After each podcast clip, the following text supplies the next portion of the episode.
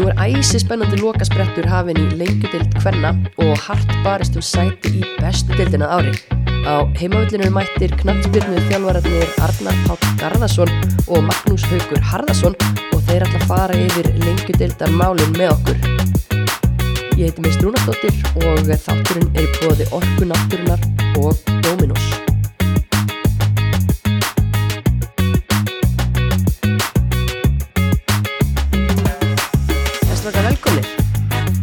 Já, takk fyrir það, takk fyrir það Hvað er dýtt? Það er bara gleðu hamingja í, í boltanum, hvernig boltanum í, í þessa myndi, bæði í efstu og næst efstu og náttúrulega annar dildinni sem er ótrúlega eins og hún er að spilast Aðal dildin, þetta sumarið. Já, því miður, þá er samt ekki eins margi sem pikkaðu upp, en já, aðal dildin myndi ég segja, mest að spennan allavega svona í, í grunninn, sko Arnar Páll Samála. Já, klálega, klálega mest að spennan Það eru hvað, akkur átta lið sem geta að fara upp með þá og það ég er sér komið í, í góða stöðu þá er þá held ég bara átta lið eða eitthvað að geta að fara upp Það er rosalegt. Uh, Magnús Haugur, þú ert með lið fjölnis. Já, Hvernig, hvernig uh, svona, hefur sumarið verið að þínum andi? það hefur verið bara rosalega fínt uh, þetta er svona kannski einu og einu úrslit sem að maður hefur viljað sjá betur fara og allt það en, en deildin og, og okkar spilamennska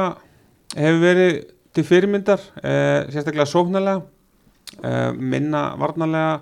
svona klöfamlega mistök hér og þar sem að er erfitt að æfa á æfingum sko Og skiptið það einhverjum máli átt með Öldu Ólastóttir í framlýninu hjá þér?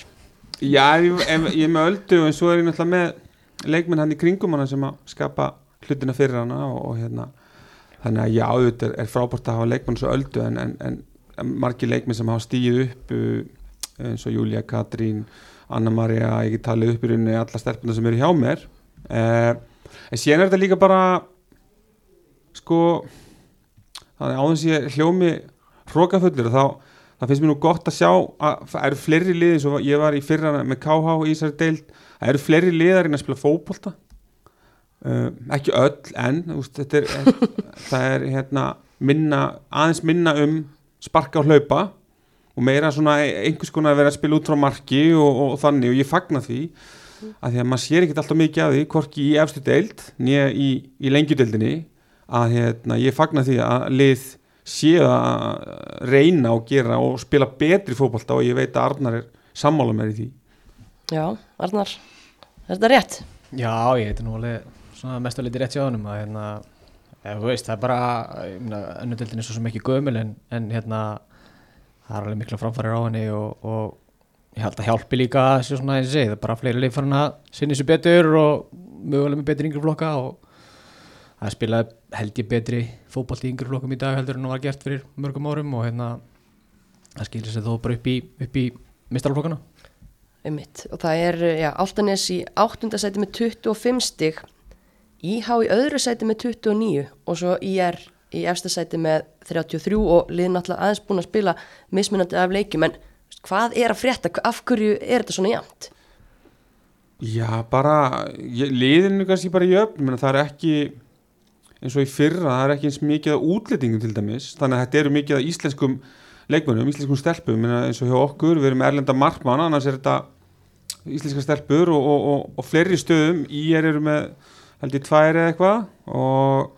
og hérna íhjá ekki neitt, áltanis ekki neitt eðlilega, um, einherji eru náttúrulega með frekar, þeir eru með 7-8, eðlilega en frábara, íslenska leikmenn til þess að bakka þau upp. Og svo hérna skalið eru, eru ekki með neitt Samira, ég ætla ekki að ta, tala um hana eins og hún sé okkur útlendingur í, í liði, þær eru með markmann. Þannig að og völsungur eru með eitt leikmann, erlenda leikmann, þannig að það tölvöld færra um erlenda leikmann, í fyrra voru þetta 2-5 í hverju einasta liði fyrir utan vensta liðin, þannig að mér veist þessi þróun til dæmis mjög góð og, og hérna ungir leikmenn og kannski leikmenn sem eru kannski svona mitt á milli er að fá og, og stíga upp í, í þessari deild. Þannig að mér fagna því. Og kannski nógu dýrt að taka þátt í þessari deild þó maður sé ekki að, að hérna, borgundir útlendinga líka. Algjörlega, og, eða þú veist, já algjörlega en það máli er bara líka kannski bara að vinna þjálfara er kannski meiri en hefur verið að- að að sækja þessar íslensku stelpur sem eru, sem vilja spila fótbolta. Og, og ég fann það bara sjálfur að þú veist það voru stelpur sem voru í lengjudeldi fyrra og annað og náttúrulega leikmenn sem fjallum í fjölni að þú veist maður þurft að selja þeim verkefni en, og það voru tilbúnar í það og, og þannig að þú veist það er líka það að leggja vinnun í það að, að reyna og fá þessar stelpur sem eru kannski á bekknum í öðrum liðum að, að, að selja þeim verkefni að koma og spila fótbolta. Mm Algjörlega. Það er svolítið gaman að maður horfir á, á töfluna að sjá að það er eittlið með fimm græna punta og það er einari, það eru seinar í gang en það eru konar á flug. Ég held að það er búin að taka hvað, sex eða sjö röð? Sexir þau töpuðu síðast bara mot okkur og unnið held í sex síðan þá Vel gert, verður ekki að henda hrósi á, á opnafjörð. Algjörlega, Já, það eru bara flottar, það er bara þéttar og það er náttúrulega ekkert grín að fara á hann völl þarna fyrir austan við, við, förum þangað 3. september og, og það verður bara stuð og stemming sko Já, það verður stuð og stemning og, og hérna bara allt sem á eftir að gerast í þessari deild verður alveg krúsjál. Það er svo kallaður crunch time og, og núna bara er að duga að drepast. Já, þetta er líka bara eins og fyrir okkur ég meina, við, við eigum sex leiki eftir einum leik sem áttur að ljúka og reiknistæmi er ekkit flókið hjá okkur, þetta er bara ef ef við vinnum þessa sex leiki þá vinnum við deildina og við vinnum út frá því þannig að Já, ég fekk ykkur til að koma og tala hérna um lengjudildina. Þar er búið að vera líf og fjör og eh, það er ekkert að tala um að það sé mikið spenna á botninum lengur en, eða lengur bara í sumar en það er bullandi spenna og bara áttum að, að fara upp og við kannski bara rúlum aðeins yfir hvað hefur verið í gangi. 15. umferðin hún hófst í gær og, og reynir fjórar að fimm leikjum spilaðir og, og það sem kannski eh, dró helst til tíðinda er það að nú er endanlega ljóst að lið augnablíks er fallið, tapar stórt fyrir fylki upp í árbæ, fylkir ætlar upp, augnablík fer niður. Um, eitthvað óvænt í þessu? Nei, eh, þú veist, óvænt og ekki óvænt að hérna, augnablik bara, ég held að Kitta sé búin að fara svolítið mikið inn á þetta líka bara, það er búið að högga svolítið í lið og, og hérna, og búið að taka bara mikið frá því og ég held svona að einstinni hafa þau eru alveg búist við því að þetta er því mjög erfitt sumar en ekkert óvænt þannig sé sko, að hérna, liðin fyrir ofan, bara sem eru í sætunum fyrir ofan fjárðarbygg og fram, eru bara með betri leikmenn og eru komin lengra og þá kemur þetta svo sem ekkert á óvart. Þú veist, þetta er bara undlið, mjög undlið Og yngra með hverju umferðin sem líður? já í rauninni og hérna og veist, eins góður og yngri flokkanir eru náttúrulega á blikum þá,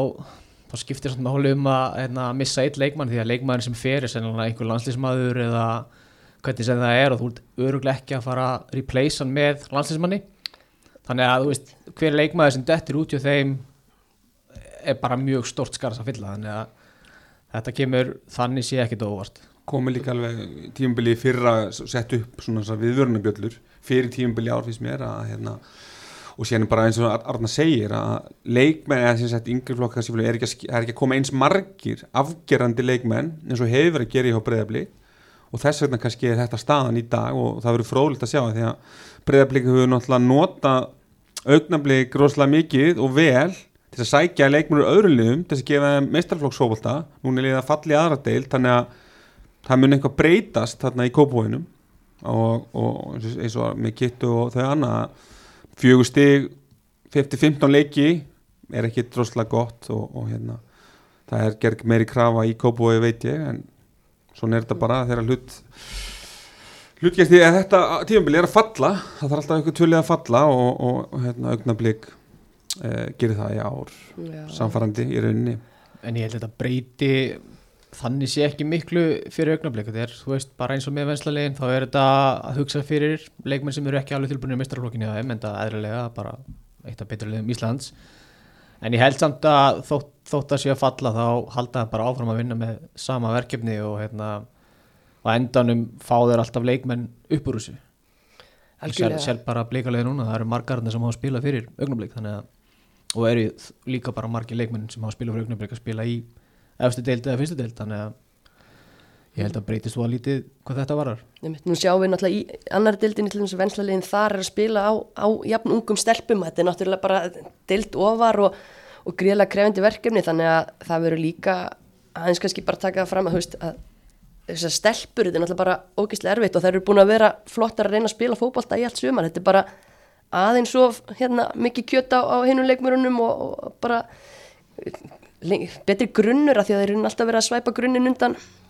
að einhverju leiti Já, já, Kitta kom inn á þetta í, í gær og líka held í síðasta leikum voru að tala um að það fengi mikið að mörgum á súfæstu leikadröðum og svona einhverjum þannig þannig mörg sem er að fá á sig og veist, það er bara eðlilegt. Það er bara, það eru yngri, það eru minni og hafa að spila fari leiki í einhverju svona aðstæðum þannig að það kemur ekkert óvart hvað það varar en, en ég trúi því alveg að og, hérna, þessi búin að vera betri í fótbalta að einhverju leiti inn á vellinum sko. Þetta er alltaf alveg prófraun og eitthvað sem að þær geta sett í reynslu bakbúkan sinn, hvort það spila með augnabliki annari deilt næstu sumar eða, eða hvað, hvort það verði einhverjum fleiri sem takir skrefið upp í blikana. Það verður frólægt en uh, fylgir fylgisliðið búið að vera bara í miklum ham, ég var ekki alveg samfærið um þær svona í upphæfum móts, alveg vera alveg heðalega með það en mér finnst þær hafa verið ríkilega flottar núna undanfarið Já, er það ekki bara svolítið að, að hérna, toppa á réttum tíma? Mér finnst það einhvern veginn svona að vera þeirra vegferð. Það er svona undirbúinustífumbil og, og svona byrjunin á mótinu var svolítið bröðsuleg. En eh, síðustu leiki þá, það sínt það að unnur náttúrulega leika við HK sem svona, var svona, tókuð svona stórt skref að, að, hérna, að fara upp um deild og, og hérna, hann að já, fylgisliðið er, er orðið svolítið massívara og, og það er ekki eins mikið svona finnst uh, ekki eins mikið að spurningamarkjum eins og til dæmis háká sem við kannski ræðum á eftir hvernig, hérna, hvernig það er. Og ég meina fylgislið held ég í gær svona með við textalýsingu og annað þá held ég að leikurinn hefði alveg geta enda starri sko. Já, þetta er alltaf með leikmennana eins og Gurun Karitas sem er í feikna formi, Bergdís Fanni vist í stuði í ger, alveg onn með fjórar stóðsendingar og svolítið áhugavert að sjá að Tinnubrá flóið heim í leiki. Já, það er fengur náttúrulega Ingeborg spilaði þetta um daginn og ég veit svo ekki hver, kannski var hún bara ekki option í þennan leik eða hvernig það er og þeir hafa bara tekið upp á því að fljú henni heim í leikin og það, því, það segir bara eitt um að þessi mjög alvara um að, að fara upp þannig að það er bara kútos á, á fylki að, að, að gera þetta. Það sýnir bara þessi alvara. Og þú veist, ég, það er kannski alveg skiljalegt að það er að vera einhverju hyggst í byrjun. Mikið af kannski nýjum leikmennum og nýjur þjálfari og, og allt, í, allt í kringu það. En mér persónulega finnst það að vera með næst besta mannskapin í deildinni. Þú skoða bara svona toppana hjá þeim og, og leikmenn sem eru svona dett í form eins og standart með Bertisfanni þú veist Bertisfanni í, í formi í þessari deild er bara besta leikmaði deildarinnar mm. þannig hérna að það kemur ekkit á, á óvart að þessu að toppa núna og það gerir þetta bara spennandi þegar maður er með 29 stíg og leikt að goða Akkurat. þannig að ég, ég tippa að, þær fara upp sko Já, það er allan í líkil stöðu og, og bara svona góð ára yfir árbænum og einmitt eins og þeir eru bara að tala um. Þetta snýst allt um rétta mómenti, rétta andartækið og, og það gæti verið uh, á háréttum tíma í árbænum. En á sama tíma og uh, já, fylgir vinna þennan stóra sigur þá í rauninni hangir K.R. á bláþræði að tapa fyrir HK 2-3 á sínum heimavelli eiga þrjáleiki eftir geti mestalagi jafnað fjárðabihöld leikni ef að Káur vinnur allt, FHL tapar öllu og Káur þarf að vinna upp 30 marka mun þannig að við segjum það ekki fyrir að hérna, feitakonan hefur sungið en Já, hún er alltaf komin alls í nálat hæstu tónum sko Kík, Ég fó nú á, kíkti nú á síðustu 30 í þessum leiki gær. Ég býð nú hérna bara beintir aftan Káröllin og, og hérna ég veit ekki hákálið, ég held mér svona mín upplifun á hákáliðinu í þessum leik og með svona byrjun að þetta hefði verið gamla góða vannmatið að það átt að taka hana leik með lokuð augun. Og, og svo lenda í lenda undir og það þarf að fara grafa, grafa sig áfram og, og, þá, og það voru vel skipular kálið og hérna það voru þéttar og gáðu svona fá færi á sér allan þessum hálftíma sem ég sá. Og en ég veit að Káli var búið að búið að búið að dæma það niður í rauninni bara í janúar. Það var svolítið þannig. Og, og ég öfundaði ekkit perri vinn minn að taka við þessu. Og ég fylgist nú með svona hægt og rólega þarna upp í eigilsöll að það er voru æfa, það voru svona fjóra, svona sex og, alls konar eh, dæmi í gangi. Og ég ætla nú fyrst að bara að fá rósa perri fyrir að hafa náða að búa til lið út af því, út því, út því sem varð. En mér finnst að ég setja alveg spurningamerki við K.R. varandi það að reka á þessum tímapunkti. Hvers var ætlast til af honum? Og svo heyrir maður eitthvað að það hafi ekki gengið vel að en að ná í einhverja leikmenn og eitthvað svoleiðis. Og svo sér maður þá leikmenn sem að koma inn í glugganum. Að þá þá verður káðu bara að setja spurningmerki hjá sjálfum sér í rauninni hvað, hvað bull verður í gangi að því að ég, já, bara, ég, ég, ég, skil ekki neitt hvað er í gangi vestibænum hvenna megin sko. Nei, tvö mjög skrítin ár í röð. Já, menn Arna náttúrulega væri ringiðin í fyrra og Já. annað, en, en ég held að kannski, ég held hún að kannski út, út frá ká, út- utan káir umræðan nema hann grípi þau inn í, en, en þetta er bara, þetta er vandræðilegt fyrir klúbus og káir og það eru kempur þarna á baku tjöldin, Katrin Ómas og hún Lilja, heitir hún það ekki, sem að, miðvörður já, hún spilaði mitt í gær, Já. með fullri virðingu fyrir aldrei leikmanna, Mm. og það er hún það er 41 ás eða ekki, jú, jú. Já, að það, Káur þarf að gera miklu, miklu, miklu betur. Og það sækja leikmann úr, úr KH, Valgeri Grímu sem er á bekknum í gær. Að tilkvæmst eftir að sækja leikmann sem er búin að vera eitt besti leikmann annar þetta síst tvö ár? Og hún situr á bekknum, veit ekki af hverju. Uh, það eru aðri leikmenn sóttir. E- ein önnur úr KH hún er ekki nægilega góð til að spila lengjudeild Hva, hvað er pointið, hún er ekki svona í hóp. Leikmenn sem að hafa verið á bekknum hjá íhá, ekki komist í hóp. Akkur er þeirra bekknum í KR í lengjudeild, þetta eru svo marga spurningar og það er svo margt sem að gengur ekki upp. Og það er eiginlega, eins og ég segi KR stórveldi veit það ekki, því miður. Nei, Ég hérna, svo sem eins og bara tal talandi um Perry þá hérna þá svona með við það sem ég hef heyrt og, og, og veit er að það var að tala við í kringu 40 leikmenn fyrir tímabili og þess vegna finnst mér svona undalt að heyra því að að svona að ástæða, eina ástæðan fyrir að láta þið fara, náttúrulega, jú, lélegt gengi en ég veit ekki alveg hvort að menn voru að búast við einhverju öðru þannig séð er að, að hérna, leikmenn hafi ekki vilja að koma. Og, og það hljómar svona, svona eins og það hefur verið hans sök, en ég bara veit betur því ég veit alveg, ég hef talað við leikmenn sem var að tala við og ég þekki nokkra leikmenn sem var að tala við. Og það var ekkert ástæðan, ástæðan var bara að þið vildi ekki fara í káir Mhm. og það er bara reynd út sagt, þú veist ég veit Ma- ekki, skilur aflegging frá, frá auðvitað árun og undan og, og því sem var búið að ganga á og hérna þannig að, að, að setja þetta á Perry finnst mér mjög skrítið. Þú Eh, líka þegar þú ert káir og ert að ráða þjálfara í haust ef þú ætlar að ráða þjálfara sem að er á að geta náði leikmenn þá nærðu þér í eitthvað þjálfara með geggja tengslinetinn á Íslandi. Þú nærði kannski ekki í þjálfara sem kemur ellendis frá og er búin að vera fyrir norðan annað. Þú nærði þá bara í eitthvað sem er eitthvað neginn með að spotta í allar áttir ef að það er markmiðið. Algjörlega og En ég held að það hafi líka alveg verið pælingin hjá þeim að þeir reyndu eflaust alveg sama og reyndu 40 leikmenn þá hafa þeir örgulega reynd við þó nokkuð að þjálfurum. Mm. en svo verður bara að hugsa nákvæmlega sama af hverju að þjálfurar fara, vilja fara á einhver frekar en leikmenn þannig að þetta er svona, þú veist, þetta er aflegging frá einhverju og Káur þarf bara að díla við það. Og ég veit reyndar og ég, hef spurt Perri út í þetta og hann segir að ég raun og veru, hann gæti ekki kvartað yfir neinu uh, þjálfaralega séð og, umgjörulega séð. Hann sagði bara þú veist að Káur hafi virkilega gefið í og, og ákveðinir aðalega reyna Káur hafi bara virkilega stíðu upp og þar meðal Pálmi og, og Viktor og hann hafi bara fengið mikið stuðning og það var bara, þeir fengið úst, mikið talað um klefamál og, og GPS og allt þetta og ég veit að það var bara lagað. Þannig að veist, það er alveg jákvæmt að heyra á því að, að félagi er að reyna að gera betur en það er samt einhvern veginn svona þú veist, mér varst þetta einhvern veginn svona að segja að, að láta Perry fara að vera eitthvað svona okkur rosalega alvara um að vera eitthvað stórveldi. Þess að að vera eitthvað þjálfarinn þegar það gengur illa. Þetta Þess að vera eitthvað, bak við þetta það, átti að vera eitthvað svona statement sem að var engin innstæða fyrir fyrir mér, af því að hann Perri tekur hérna og býr til lið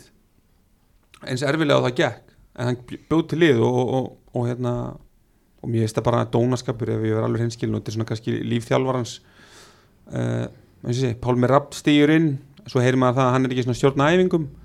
okkur svoleiðis, þannig að ég veit það ekki, þetta er bara eitthvað sem maður heyrir. Já. þannig að hann er frontur fyrir hvað er þá vignir að þjálfa liðið en, en, en Pálmi er samt að þjálfa liðið og hann er mér finnst þetta bara, það eru rosalega marga spurningar sem eru, sem er ósvarað og, og mér finnst frábært að heyra að, að, að þú veist, Káli hefði einhver hluta til tekið sig á en eins og ég segi, virðingin er ekki mikil hann og, og það er ástæðan fyrir þessu ungu leikmenn sem að reynd var að fá fór í önnu lið í lengjudeldinni en Káir hafði ekki eitthvað tóg eða ég veit ekki, bjóða eitthvað betur eða eitthvað svona, þú veist, se- settu smá hérna, skreitingu ofan á kökuna til þess að reyna að fá þá þessa leikmenn, ekki bara eins og ég segi, henda einum, einum mannirunni undir útuna fyrir þannig ég veist það alveg mér veist það fyrir eitthvað lélegt. Þetta er sérstætt líka því Perry bara býr til góðan grunn og ég meina framist að káir í gær er bara fín. En mér finnst það líka búin að vera að mjatla sig áfram bara með að við einmitt mannskap, leikmannahóp og þær voru bara þokkalega þjættar núna í síðustu leikjum og er að tapa þeim, eru yfir og eru bara ekki að ná að Mm. einhvern veginn að, að grænda. Að þetta hefði ekki skipt neinu máli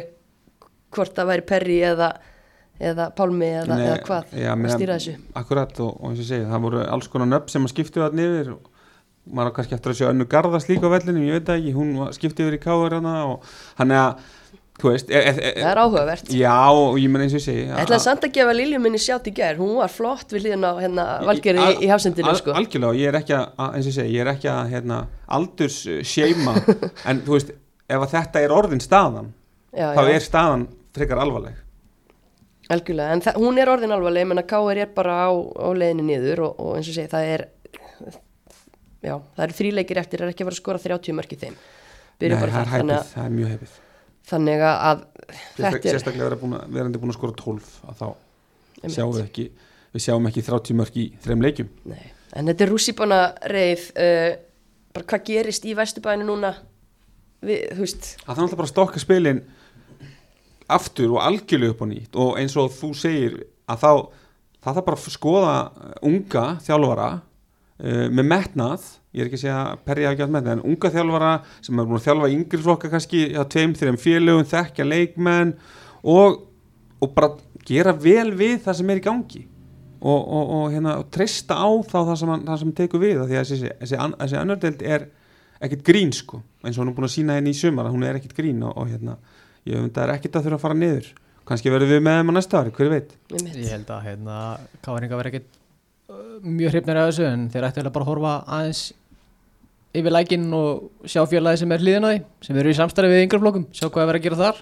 Það stendur mér þess að herðu, ég, hérna, í gróttuleginni sem að, að plagg sem að kom út fyrir nokkur árum Mm. það stendur að gróta að búa til leikmenn fyrir káer kvenna þannig að það er haldið magna að í dag er gróta að, að þeir geta, þar geta alveg farið upp að þetta er heldur betur búið að snúast þarna, já, hinn með við lækin og, og það er, mér finnst það alveg frábært. Það má ekki snúsa í fimm mínútur í þessum bransa, það er bara þannig, það, það fólk þarf að vera á tánum. En það er nú alveg, og ég talaði við Perri um þetta, hann, úst, það sem hann var líka spenntu fyrir, burt sér frá því að auðvitað vill hann halda sér uppi og allt það, að hérna, það er alveg leikmenn að koma upp núna, bæði náttúrulega hjá Gróttu og KR, en það er alveg ágætis leikmenn að koma upp núna úr yngreflokkum KR. Þannig að það er svona eitthvað til þess að byggja á og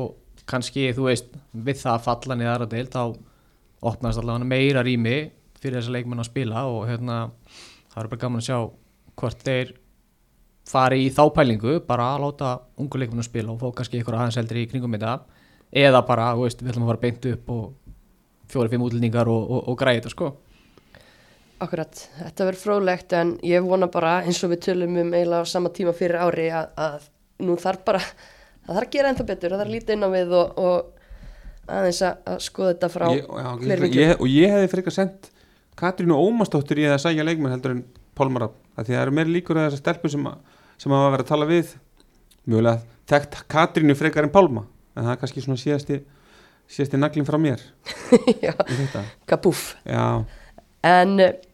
yfir í HK, þær uh, þurft alveg að hafa fyrir þessum sigri í gær, þær voru ekki samfærandi, áttu samt nokkra góða kapla sem að svona dugðu til og það eru gæði hérna sem að já, þurfa hvorki mikið tíma nýja mikið pláss til þess að afgreða uh, svona leiki. já, já, það síndi það náttúrulega móti afturrellingu en, en svo hefur samt júlímánuði var svolítið svona og eða svona kannski frá 2000 að tapa náttúrulega móti fram sem að, þú veist, fyrir, fyrir fram áttu þær ekki að gera það. Og, og hérna, tapa svona þessum leikum móti fylki. Og það held ég að við sett svona ennþá starri hólu fyrir Guðna og Hákalið að hérna, nú eru þær að elda og náttúrulega fylkir á hana leik inni. Uh, þannig að þetta er svona eins og sé, 5-0 um þetta afturrellingu og svo verið í strögglinu í gerð og það voru í strögglinu hérna, ég sá 30 mínútur og það, þetta var ekki fallegu fótbolti sem að vera að spila. En hann náði að bjarga sér fyrir hot og það gefur þeim auka kraft. En mér bara líka svona leikmann að velta þú veist það getur, þau getur ekki, Háka getur ekki nota Efi Stefansdóttur eða Telmi Steindósdóttur þær eru farnar. Þannig að já, það eru líka spurningumerki þarna á Háka eins og segja, þær byrjuðu vel og en tíminn er núna til þess að vera toppa og þá mátti, mátti ekki hyggsta sko, þannig að þetta, þetta verður aðteklisverið bara það mm Ég held að það sem hjálpið þeim það sem eftir er að það er eiga tvo- heimalegi Já, þetta er svona erfið leikir. Já, mjög tryggi leikir. Uh, Grindavík svo sem hérna, vinna mikið á heimaleikjum þannig að það er að fara út af öll og hérna svona gróta og svona alltaf sennilega bara úslita leikur myndi ég halda á móti viking þótt að, þótt að vikingur verði örgla mjög líklega að koma upp á þessum tíðbúndi reiknaði með. En þá hérna þá er þetta helviti erfið leikur að fara í þú ert sennilega í úslita leikum að fara upp um deild. Og það er vikingur út af velli sko. Já, þetta er einhver alvöru, alvöru handrit í lok þessari deildar. Já, ég vona bara að við fáum eitthvað þannig að, að hérna, það er bara 2-3 lið sem geta farið upp á, á lokadegi. Ég held að Víkingu þurfa að vinna síðasta leiki sem til þess að fara upp. Þetta er að verða áfram byggar þunnar í, í næstu leikjum? Ég er að káur í næsta leik og það er að vinna hann en svo eiga er fylki Grindavík og HK þetta er ekkit, þetta er ekkit easy Þetta er ekkert easy. Og Grindavík úti og Grindavík hefur verið að ná góðum úslitum á heimaðalli og sínum þetta að já, ég, þetta er bara svona kallt mat. Já, það væri bara frábært að fá, fá slíka spennu í þetta. En Víkingar, eh, já, Sigur Eifir, nýgrindir, byggamestara mætti í gær uh, til að mæta eina liðinu sem búið að vinna þær í deildin í sumar. Og þetta endar í 2-2 hörku leik þar sem að afturhelding uh, ég kemst yfir í tvígang og er bara að spila skinsamlega á móti vikingsliðinu. Já, aftur er líka svona óleikindega tól, þú veist, það er bara stemming eða ekki stemming, þú veist, það fara úr því að tapa 5-0 á móti HK Hvað er það? Já, já, þú veist, bara, eins og segi, bara stemming og ekki stemming, það fá náttúrulega mark á sig þarna, frekar verið markvista mark í, í þeim leik og mögulega fór bara hausinn við það, ég veit það ekki síðan náttúrulega spilar þennan leik og hafa öruglega hugsað til þess að vikingur hafa verið að spila byggarleik og eflust fagna eitthvað aðeins og hérna bara séð eitthvað tækifæri þar og Alli og Kó hafa öruglega náða að peppa menn eða konur í, ágætlega í, í þennan leik. Þannig að afturölding er svona liðið mitt, þú veist, það er unnu viking eina leið sem er unnu viking Mm og, og hérna fá sem mark og 90. myndi í gerð sko, þannig að þetta er svona ekta afturölding bara í gegnum tíðina, bara þvílík stemming og hafa farið þetta á okkur stemmingu held ég sko. Svo er þetta líka bara, ég menna, ef, ef afturölding hefði nú bara, ef hún hefði unni en hákaleik, þá þessi leiku verið í allt eru samhengi gær fyrir afturöldingu, því að þú veist, fyrir þann le- hennan hákaleik, þá voru það náttúrulega bara í dauða færi að gera sér gildandi í, í sér toppáratu. Uh, en svo kannski sýnir það með vikingsliðið að, að þær voru ekki on hérna, Nadia og þessar svona helstu, en þá kemur varamæðurinn og skora tvö mörg og ég held að það sé náttúrulega bara hluti af því sem maður búið vera í gangi í víkinni að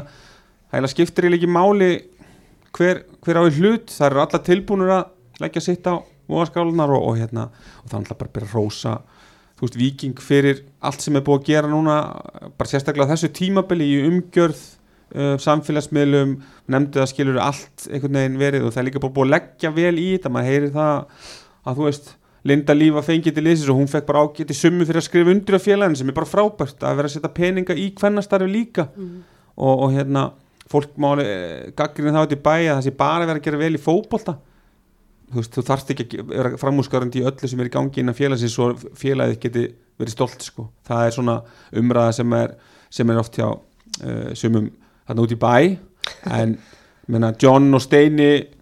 þú veist, John tekur við þessu fyrir fjórum árum og, og, og mér unni með ekkert í höndunum og hann fór bara leiðina og, og, sótti, sótti leikmenn og svo falla leikmenn út og, síðan alltaf bara upp á sig, kannski síðustu tvö ár hafa verið að koma opbóðslega góðir ungir leikmenn eins og, eins og hún hétt í markinu og svo Sigdís og Berdís og, og svo náttúrulega eiginlega þeirra besti sem er í rauninni Freyja sem að skora náttúrulega þriða markskilu, hún er ótrúlega, ótrúlega góðu leikmaður og, og það er bara bjarti tímar í, í víkinni og ég segði nú bara svona upp á stemminguna að það þurfa að vinna að loka leikin, það getur alveg verið þannig að ef það er hyggsta í þessum þrejum leikjum að þá, það er ekkert gefið í þessu. Nei. Ég ætla að segja að það gerist ekki því að það bara svo mikið búið að ganga upp og það er bara held ég þannig mentality og þannig stemming inn í þessu liði skora 90. myndi ekki þær skora 90. myndi við fjárðarbygg og vinna þann leik eftir að þú veist fjárðarbygg gætt stólið þessu þetta er svona þú veist svona alltaf vinnar hann að byggja úrslit sannfærandi það er bara allt að falla með þessu liði og það kemur alveg stórkastlega óvart og mögulega þú veist, var þetta jættefli í gær að skora á 90. mínútu bara gott wake up call fyrir þær sko, þú veist ná allan á stíinu uh, skora á 90. mínútu, það er alltaf stemming í því þannig ég held að hérna, þetta jættibli gær sé ekkit eitthvað ofalvarlegt og ég held að menni ekkit að lesa of mikið í það það voru bara byggar þunnar eða maður kalla það Mhm. en á samt jættibli út í öllum eftirlíku algjörlega geggju innkoma í há Huldu Ösp kemur inn á 60 búin að skora 5 minútur setna og svo aftur með bengir á, á 90 bara, Já, bara vel gert. eins og maður ekki talar um að, hérna, það eru allir með hlutverk og, og virðast allir vera sáttur með þessi döðverk þóttu þessi aldrei sáttur að vera á bekknum. Þá er allir tilbúinir að leggja sitt inn í þetta og allir tilbúinir að koma liðinu upp og, og, hérna, og það er bara þvílík stemming þarna og það sást bara á áhverjanda fjöldanum og stemmingunni á þessum byggarhúsleik Mhm. en svona að afturheldingu þær, mér finnst þær hafa verið bara stór furðulegar í sumar, ég veit ekkert hvar ég hef þær hvorki bara í, í framistöðu stigasöfnun, ég bara stundum hausin á þeim og til dæmis bara ógislega heimskulegt raukt spjaldan á loka mínútunum í gær. Maja Kamíl Níl sem að var búin að eiga virkilega góðan leik bara ítir selmudögg sko tvisvar eiginlega Já, og hérna, veist, á 90 hún er að fara í leikbann á lokasprettinum. Já, er þetta ekki bara eftir höfðinu Já, en þú veist, afturlíkalið, ég meina fyrir tíma, þú veist það fóru, komu, komu 15 og fóru 15 og svo í mitt sumar voru þetta var veist, að fylgjast með hérna, félagskiptavaktinni inn á KSI og sjá þetta alltaf. Þetta er náttúrulega líka hlutur sem að ég meina, alli og þau þekkja alveg. Þetta er búið að vera svona síðustu hvað, þrjú, þrjú ár að það er verið að rulli leikmunum hann fram og tilbaka. Og enda er það komið held ég á ákveðna endastöð og það verður frólægt að sjá hvað verður um meistarflokk hvenna hjá afturöldingu eftir þetta tímabil að því að maður heyri það að, að það verði eitthvað breytingar og ég öfunda ekki endilega þann sem að ætlar að hjóla í það að fara þarna inn og kannski taka við ef að breytingarna verða þess eðlis að þjálfari hættir eða hvernig sem það er að hérna að það er það er, það er hellingsvinna sem þarf að vinna í Mósesbænum þar sem að liðir ekki að fara upp í ár Nei, getum við afskrifað þær? Það eru með 24 stig, það eru 5 stigum á eftir fylki sem áleik til góða. Já, svona, þú veist svona fyrirfram þá, held ég að það sé óraunhæft en eins og ég segi, ef þær hefðu unnið innan hákáleik þá hefðu þetta stig í gær gert meira fyrir þær en þetta stig í gær gerðinu blekkit eða þær hefðu unnið í gær að þá, þetta er þessi ef og hef hefði leikur að, að, hérna, að það vantaði bara svona heslumun einhvern veginn að, grænda sigurinn út í gær og eins og segi, að taka svona heimskular ákvarðinu eitt besti leikmaður er á tímumbilinu að fá sér raukt spjald kannski fara um tveggja leikjabann. Það gæti alveg verið tveggja ég, ekki mér finnst það líklegt að því að svona, svona hrinding og annað er, er, er, er oftast tveggja leikjabann. Já, já, svona, en það er eiga, þú veist, hvað maður að segja, samkvæmt einhverju, einhverjum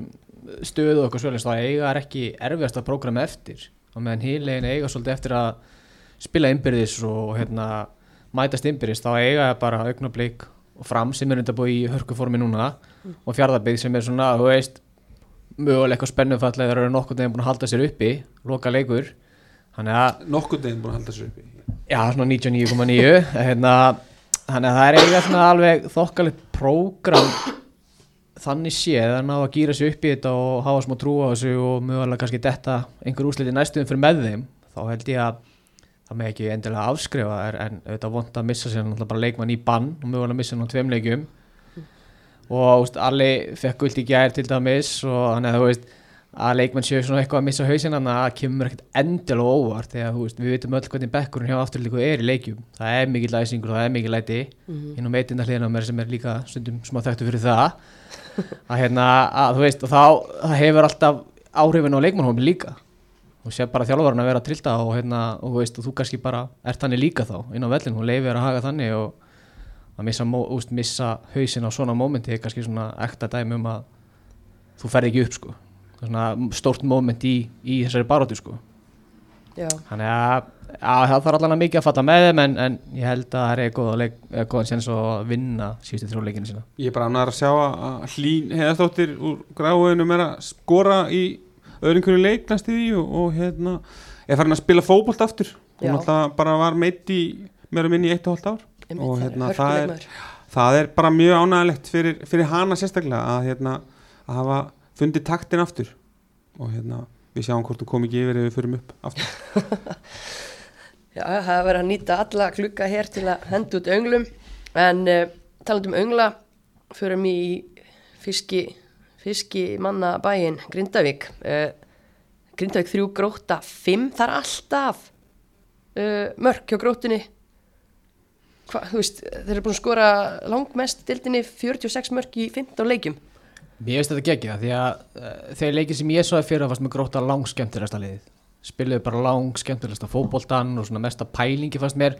Ég svo ánægða með að það hefur haldið áfram að það er svo auðvitað að fara upp og svona að þetta maður tryggja okkur í dildinni og, og, spila bara passívan fótbolta og, og hérna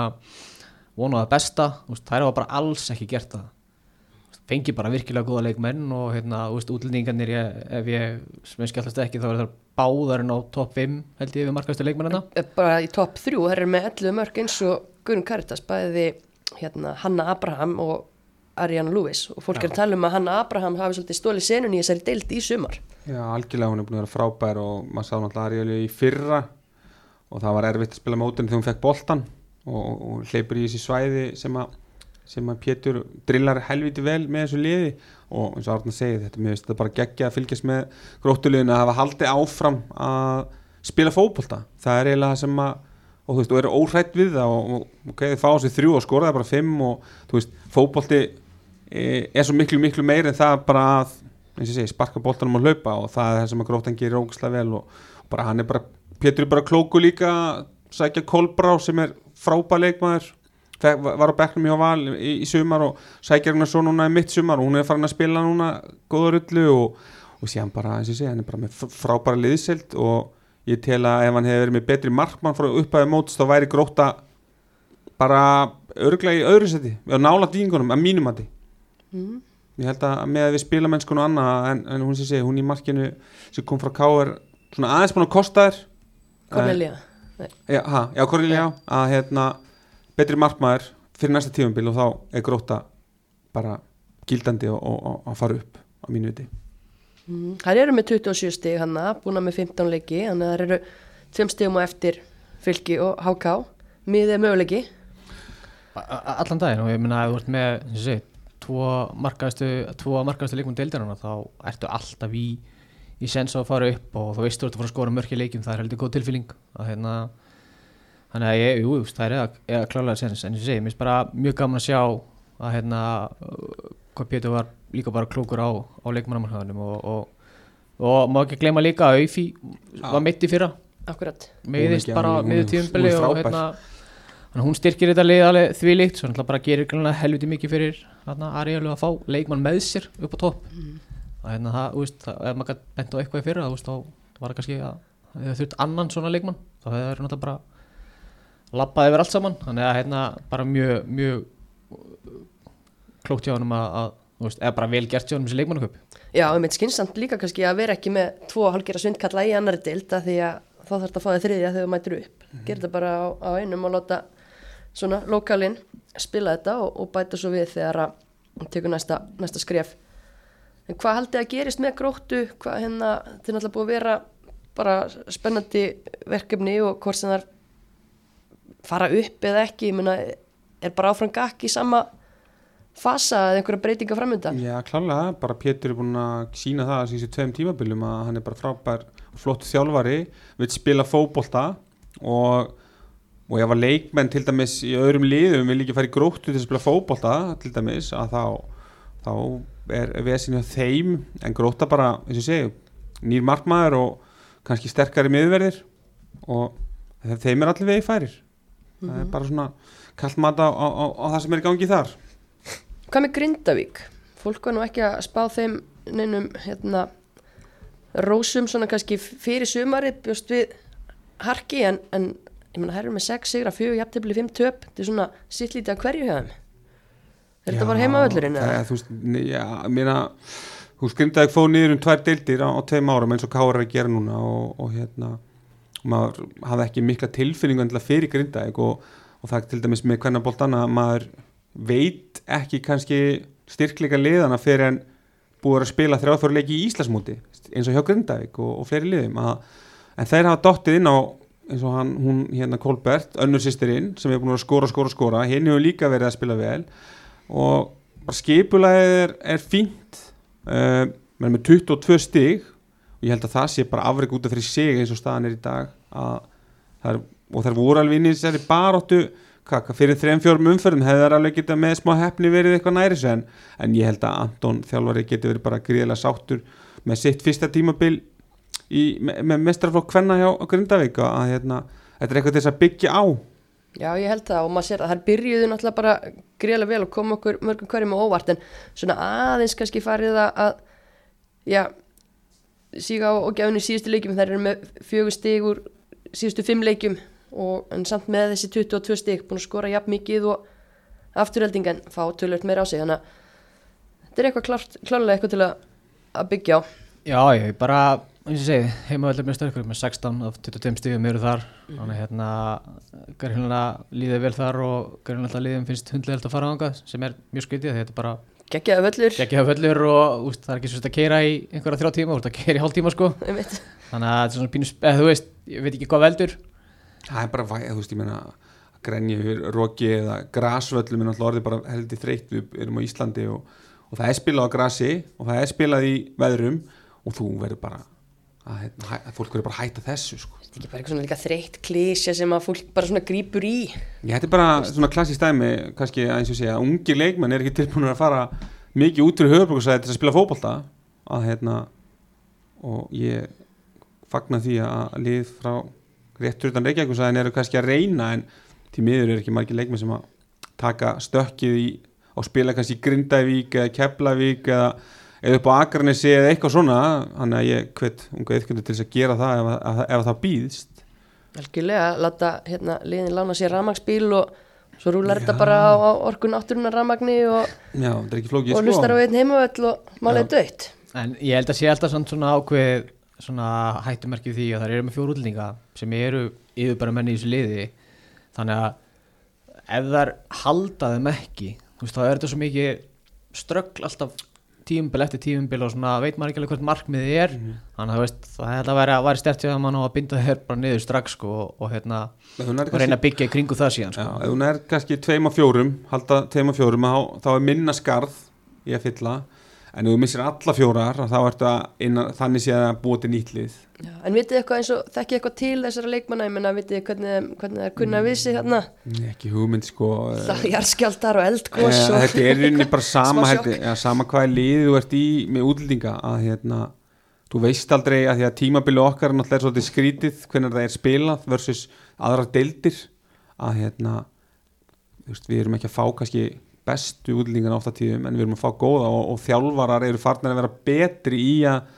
skoða og finna þessu útlendinga vinna þá með góðum umbósmánum ekki bara einhverjum gæja sem sendir hann sér með einhverja leikmenn og slættir í DM Já, að það er kannski munurinn, finnst mér, ef við tökum bara útlendingarna í lengjadöldinni í ár, að, að þeir eru, þær eru flestar mjög góðar og kannski mestu vombriðinni til dæmis er hjá K.R. hún hérna, Bóland þarna sem er frammi, hún er ekkit geta eða ekki sínt neitt í allt sumar, þannig að hérna var sóttur einn útlendingur og hún gata ekki mikið eða hvað það er, þá er það mikið högg fyrir lið eins og K.R. og, og, og hérna ávinnlega bara grindaði glendir í því að er- hún mó, hún Já, alltaf slíti já, þeirra það hefði verið en grindaði eitthvað sínt það að hún á áfram stað í grindaði því hún er bara hérna og er í, er í það gríðarlega vel gert hjá grindaði það hefði verið mjög auðvelt bara að senda hana í næsta flugi heim og borga eitthvað next kostnað en, en þeir ætla greinilega að stiðja algjörlega baki á henni og vondi bara sjáu hann á vellinum á annars tíðinbili algjörlega, klárt. Og þú talar um bara hérna, ég myndi að það er búið að setja meira púður í já, leikmannaleit og allt þetta, ég meina bara heilt yfir umgjörn í þessari deild það er svo gaman að fylgjast með utanfrá bara milli ára, ég meina við erum að horfa á flest liður bara, veist, það er ekki bara aðstofþjálfari eða fitnessþjálfari, markmannstjálfari eða sjúkrarþjálfari þetta var ekkit svona fyrir bara ekkit allt og lengur síðan. En þetta er bara nánast held ég hjá hverju meinasta hjá hverju einasta liði. Bara alvöru teimi, alvöru vinna. hækka, sta, hækka standardin á, á, á hlutunum þá og félögum þurfa að vera tilbúin og mér veist bara eins og með fram eh, ég meina það er bara að rósa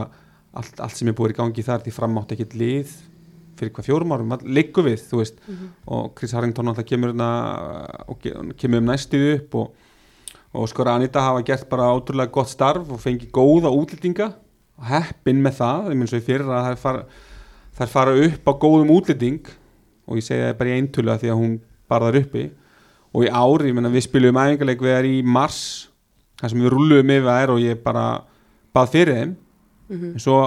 þær eru með eitt besta markmann á landinu í markinu og, og Brooklyn er frábær og hefur sallin stegum og, og, og hún hérna, önnur hérna sem maður ekki nafna á í öglumleikinu búin að gera ótrúlega vel og búin að fá góða útlendinga. Þannig að það er bara og síðan öll umgjörð í úlvásadalum er, er mjög góð og, og hérna þannig að mér veist það bara eins og, þú segir að það er búið að hækka þessi standardin hjá, hjá liðunum í kringum kvennafóboltan og það þarf að gera það þarf að gera miklu betur að hérna allt, allt á, á réttir leið en talandum fram, það er eitt leikur sem er eftir í þessari 15. umferð og hann er spilaður fyrir austan á sunnudaginn fjaraði höttu leiknir og fram emitt og eins og það nefnir það voru fleiri en þú sem báðuð fyrir þeim bara í vor því að það, það er lítu ekki vel út á undirbúnstímbilinu var ekkert að frétta og það var ekkert hægt annað en að spá þeim bara hérna, beint niður aftur en þær hafa eða þau hafa hitt á, á flotta blöndu þarna og, eru safe. Já, já, og bara uh, kannski þú veist, og þau hafa svo sem talað um þetta sjálf þjálfara tími þar að hérna, þau hafa ekki verið með komar þess að liðið sitt, skilu auðvitað er liðið bara sem hefur akkurat á hverju stundu en þegar þú veist að þú ert með leikmenn sem eru meita eða er að koma inn eða er að komast í gang þá veistu hvað býðir þínu liði og ég meina það er búin að ná í sjö stigi síðustu fimm leikjum sem er náttúrulega bara, þú veist, slatti og búin að vinna bara ágætis leiki líka. Og hérna, og svo bara gerði það mjög vel í glukkunum fengur bara góða leikmenn inn í glukkunum núna íslenska stelpur eins og Telmu og, og Ólunni sem ég var með í Káver í, í fyrra og ég veit alveg hvað þær geta og þetta eru leikmenn. Já, sérstaklega þá Telma svona með hvernig hún var undir lókinni okkur í Káver er bara leikmenn sem mér finnst ótrúlega fyrst alveg háka hafa ekki geta notað af því að þetta er bara leikmenn sem stóð sér vel í efstæðil hverna þannig að þær gerði mjög vel í glukkanum og eru bara komið alla í gang núna og ég held svona að, að hérna þálvarteimið og leikmenn séu bara spettir fyrir því að klára þessa fjóra leiki svona, og sína hvað ég geta. Á, á líka bara, þú veist, þarna kemur það, ég meina Óskar og Anita hafa þjálfað yngri flokka lengi og þekkja, ég meina Óskar inn í hjá stjörninni var hjálpa Kristjáni og með góða tengingu þar og þetta skiptir allt máli þegar að þú ætlar að fara að selja það að fá leikmann til þín á láni og, og ég meina fram hefur ekki verið að búa til leikmenn og ég veit ekki hvernig staðan, ég held að séu samstarfi til dæmis við í er í þriðaflokki kvenna og, og eitthvað svona, þannig að það er langt í að, að framsega að fara að búa til leikmenn. Þannig að þurfa, þau þurfa að gera eitthvað sem að kannski önnuli þurfa ekki að gera. Þau geta ekki bara gengið að því að það séu 2, 3, 4 kannski uppalnar sem eru góðar, einhvað kannski á leiðinni innan tveggjar eitthvað svoleiðis en það er ekkert í gangi. Þannig að mér finnst það bara fríkala vel gert til þeim að vera að, halda liðinu í deildinu og gera það bara mjög samfarrandi og eins og menn, það er unnið háká tvísvar einu sinni byggar og einu sinni í deild uh, og bara ná góðum úslitum á móti þessum liðum og, og, og er ekkit fallbissu fóður eins og maður held að geti orði sko og hann er bara virkilega, virkilega vel gert í þeim og, og saman kannski við tölum um FHL að að hérna, það eru með góð líka. Eitt besta markmann á landinu líka þar sem er búin að vera ábærslega gott. En eins og segir, segir þá hefur þetta leið e, allt tímabilið að augnablík og káir myndu falla. Mhm. og það var ekki lið sem að var svona dragast ofan í það í rauninni. Nei, kannski ákveðin hefni fyrir FHL því þær voru ekkit fljótar í gang. Lítu, kannski er, er ekkit endur komnar í gang kannski almennilega, ég veit það ekki. Þetta er bara svo með að spila við lið út á landi, þú vilt spila við einherja FHL þessi lið í fyrstu kannski hvað við segja, fjórum-fimm umförunum og helst á útivelli til þess að koma svona, það. já að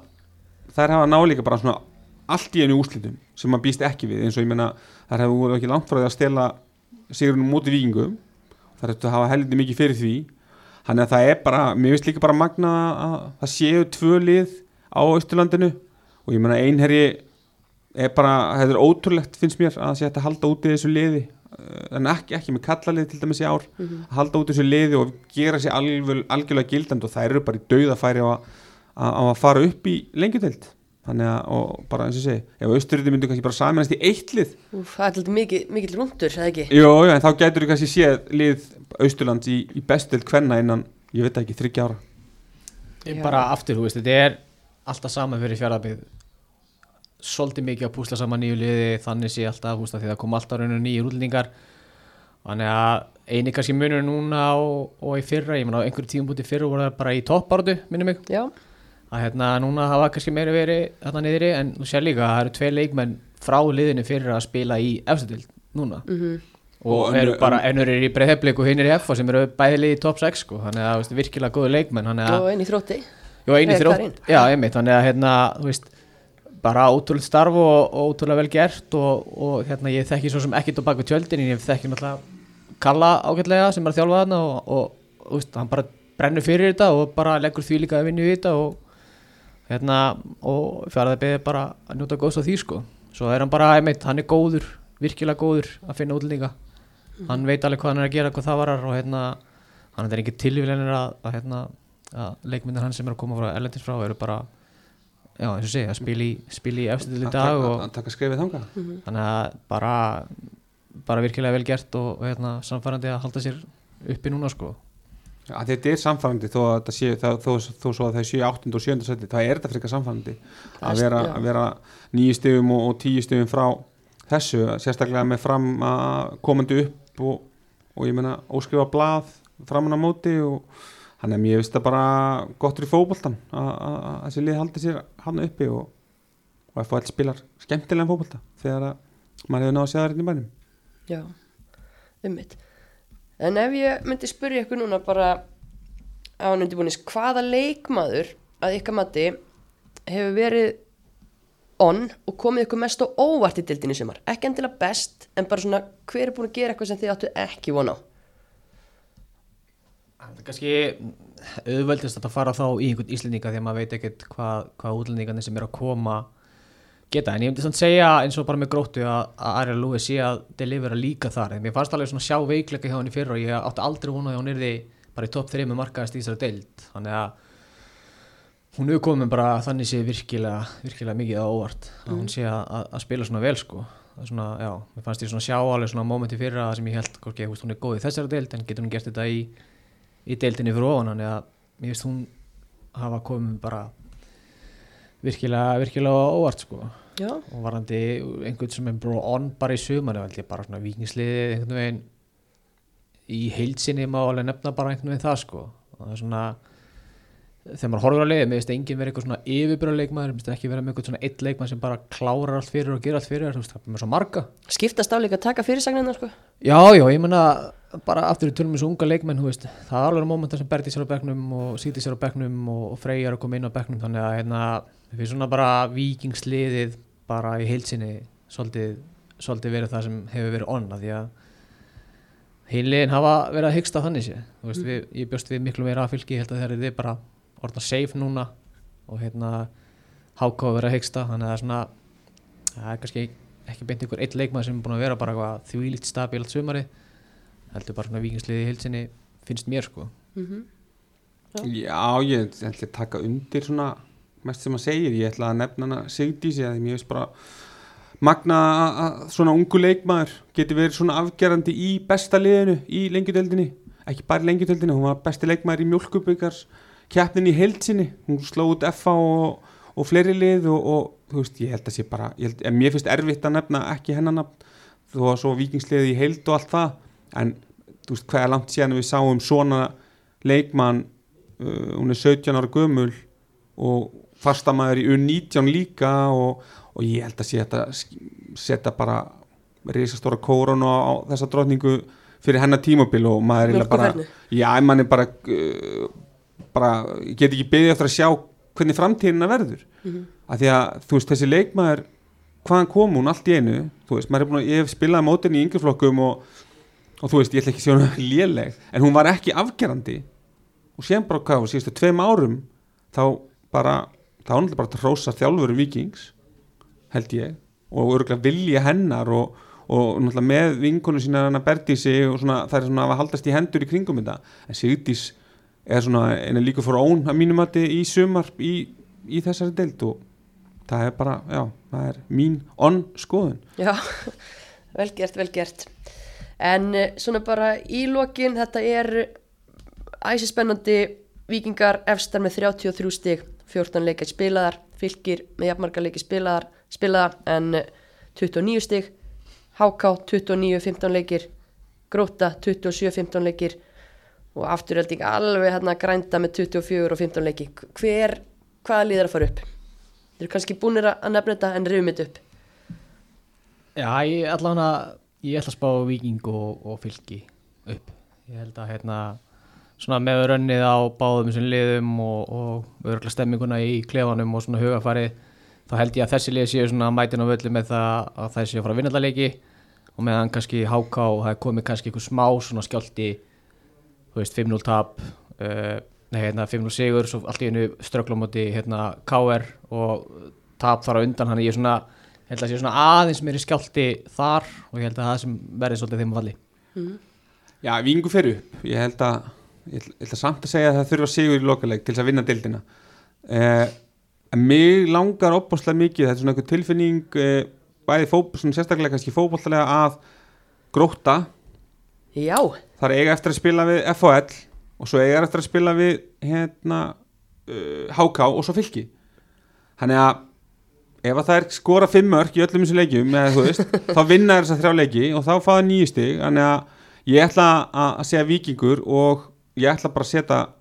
góða pressu á, á vinmina á nesinu hann Pétur Röggvaldsson að ég ætla að spá því að gróta fara upp og ég vill að gróta fara upp af því að mér finnst að spila skemmtilegsta boltan og það er bara, eins og ég, mín tilfinning fyrir þessu að gróta gerir sér gildandi í, í, í efstu delta næsta ári. Bam. Já, heyrðu, þetta fyrst hér. Og það bara má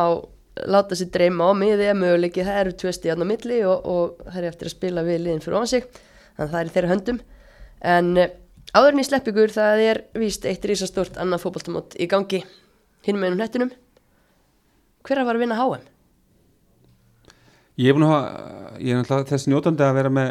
þryggja mánu gammal stúlkubat heima á mér og ég hef verið duglegur að vakna með henni á mótnana til þess að horfa á leiki. Næs, og hérna og mér finnst þetta mót bara í, í heilsinni verið frábært. Og sérstaklega að sjá að lið utan Evrópu er að gera sig og bara spilandi fótboll eins og þetta kolumbjúlið og, og, og, og ég ætla ekki að nefnda Jamaica því það var ekki skemmtilegu fótbolti. Að þessi lið eru bara það er verið að finna upp fótbolta annar staðar en í Evrópu. Og, og, ensk, og þetta eru kannski tvö bestu liðin á mótinu. Það er alveg ótrúlegt afreg fyrir Víkmann að vera að fara í úslit með vantandi er unni þrjá og fjóra bestu leikmeliðsins og allt það. Sýnir bara hversu klókur og hversu góðu þjálfarnir hún breytur um kerfi fyrir leikina í Kína og, og hefur haldið sér við það. Uh, Lauren James kemur inn líklega í ústæðleikina heldur þú það? Já, ég held að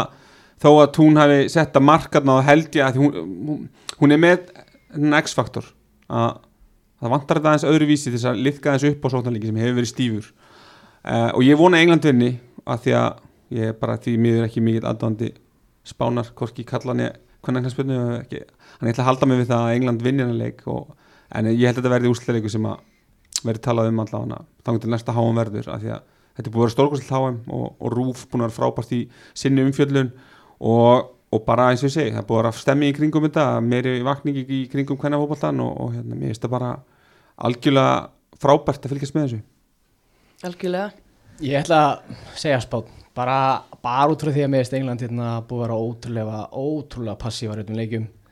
Bara því góður yfir uh, taka litla sjensa og eins og þessi leikur með Ástralíu mörki sem skora eru svo ótrúlega tilhjónulega kent og það sést bara um leiður tók okkur smá veist, eins og í markinu sem Ástralíu skora þegar leikmaður snýr á miðunni í svona fyrsta skipti í svona fimm leikjum og fá að marka sig. Þannig að mér finnst þetta svona, veist mér finnst það bara grænt þetta rosalega út og hérna búið að vera passívar og svona, já ég veit það ekki þetta er ekki búið að vera þannig að, hérna, en þú veist að mörguleiti minnir þetta svolítið á spán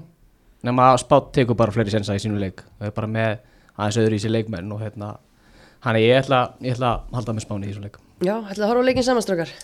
ekki saman kannski á, á sundasmotni það er aldrei að vita Klukkan tíu Já, Svo opna Dominus klukkan 11 og þá er þetta panta sér eina heimsenda til að fara í framlenginguna með algjörlega Það er ekki fara, Já. klikkar ekki hmm. Heyrði, en hvað er næst hjá ykkur? Hvernig er næstu leikir? Deildinni? Herðu, Ég er bara leiðin að höfn í fyrramáli spila við Já. sindrakonur Þannig að þú missir að þriðasættisleiknum Já, ég tek hann í, tek hann í símanum í bílnum. Já, reyndar, ég, það er getið góð tími til þess að vakna og horfa. Þannig að það er bara, það er bara framöndan og það er bara framöndan sex leikir og vonandi sex sigrar sem, sem að þýðir eitt. Að, að það verður gaman í grái í, í 16. september Ég bara